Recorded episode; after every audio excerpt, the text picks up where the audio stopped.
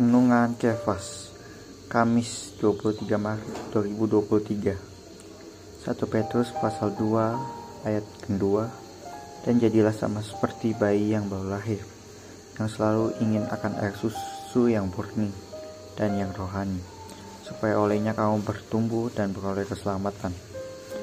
Firman Allah adalah Alkitab.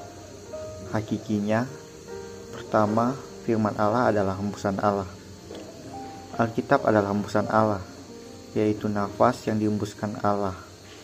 Alkitab adalah pernafasan Allah. Bagi Allah, ini adalah perkara menghembus. Bagi kita adalah perkara menghirup. Firman Allah masuk ke dalam kita dan menjadi hayat dan supaya hayat kita. Karena itu, ketika kita membaca Alkitab, kita harus paham bahwa Alkitab bukan hanya huruf hitam di atas kertas putih, tapi Alkitab adalah hembusan Allah di dalamnya penuh dengan awas rohani. Kedua, Alkitab adalah air susu rohani. Dalam 1 Petrus pasal 2 ayat kedua, Petrus berkata bahwa kita terus seperti bayi yang baru lahir, yang selalu ingin akan air susu yang murni dan yang rohani. Ketiga, firman Allah adalah roti hayat kita, makanan hayat kita.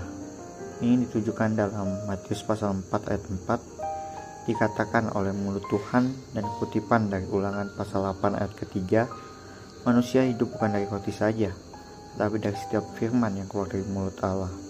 Sobat Kefas, karena itu kita tidak bisa hanya mengerti Alkitab dengan pikiran kita, tapi kita juga harus mengontak firman Alkitab dengan roh kita.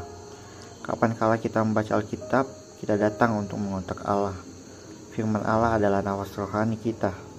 Karena itu, kita harus menghirupnya. Firman Allah juga adalah air susu kita, maka kita harus meminumnya dan makan roti hayat yang adalah Tuhan sendiri. Allah bekerja dengan cara yang ajaib. Dia mengaruniakan kita Alkitab dan Roh Kudus. Roh Kudus adalah isi dalam Alkitab dan Alkitab dibawa dalam Roh Kudus. Mereka saling huni satu sama lain, maka keduanya tidak dapat dipisahkan. Ketika kita membaca Alkitab, kita menjamah roh. Ketika kita menjamah roh, Alkitab ada sebagai penunjang yang praktis. Kita tidak hanya bernafaskan nafas rohani, minum minuman rohani, makan makanan rohani, dan menerima roh dan hayat. Tapi kita juga memiliki firman yang jelas menjadi, menjadi penunjang kita. Untuk memuaskan pikiran dan jalan pikiran kita, di sini kita dapat melihat perbuatan ajaib Allah bukan hanya kita memiliki Roh Kudus, tetapi juga memiliki Alkitab. Poin penting pertama, kita tidak bisa hanya mengerti Alkitab dengan pikiran kita, tapi kita juga harus mengontak firman Alkitab dengan roh kita. Kapan kala kita membaca Alkitab, kita datang untuk mengontak Allah.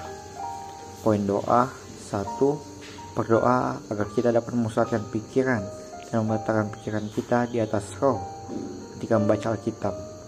Dua, berdoa agar roh kita kuat, sehat, dan di dalam pembacaan Alkitab kita, kita berjumpa dengan Tuhan.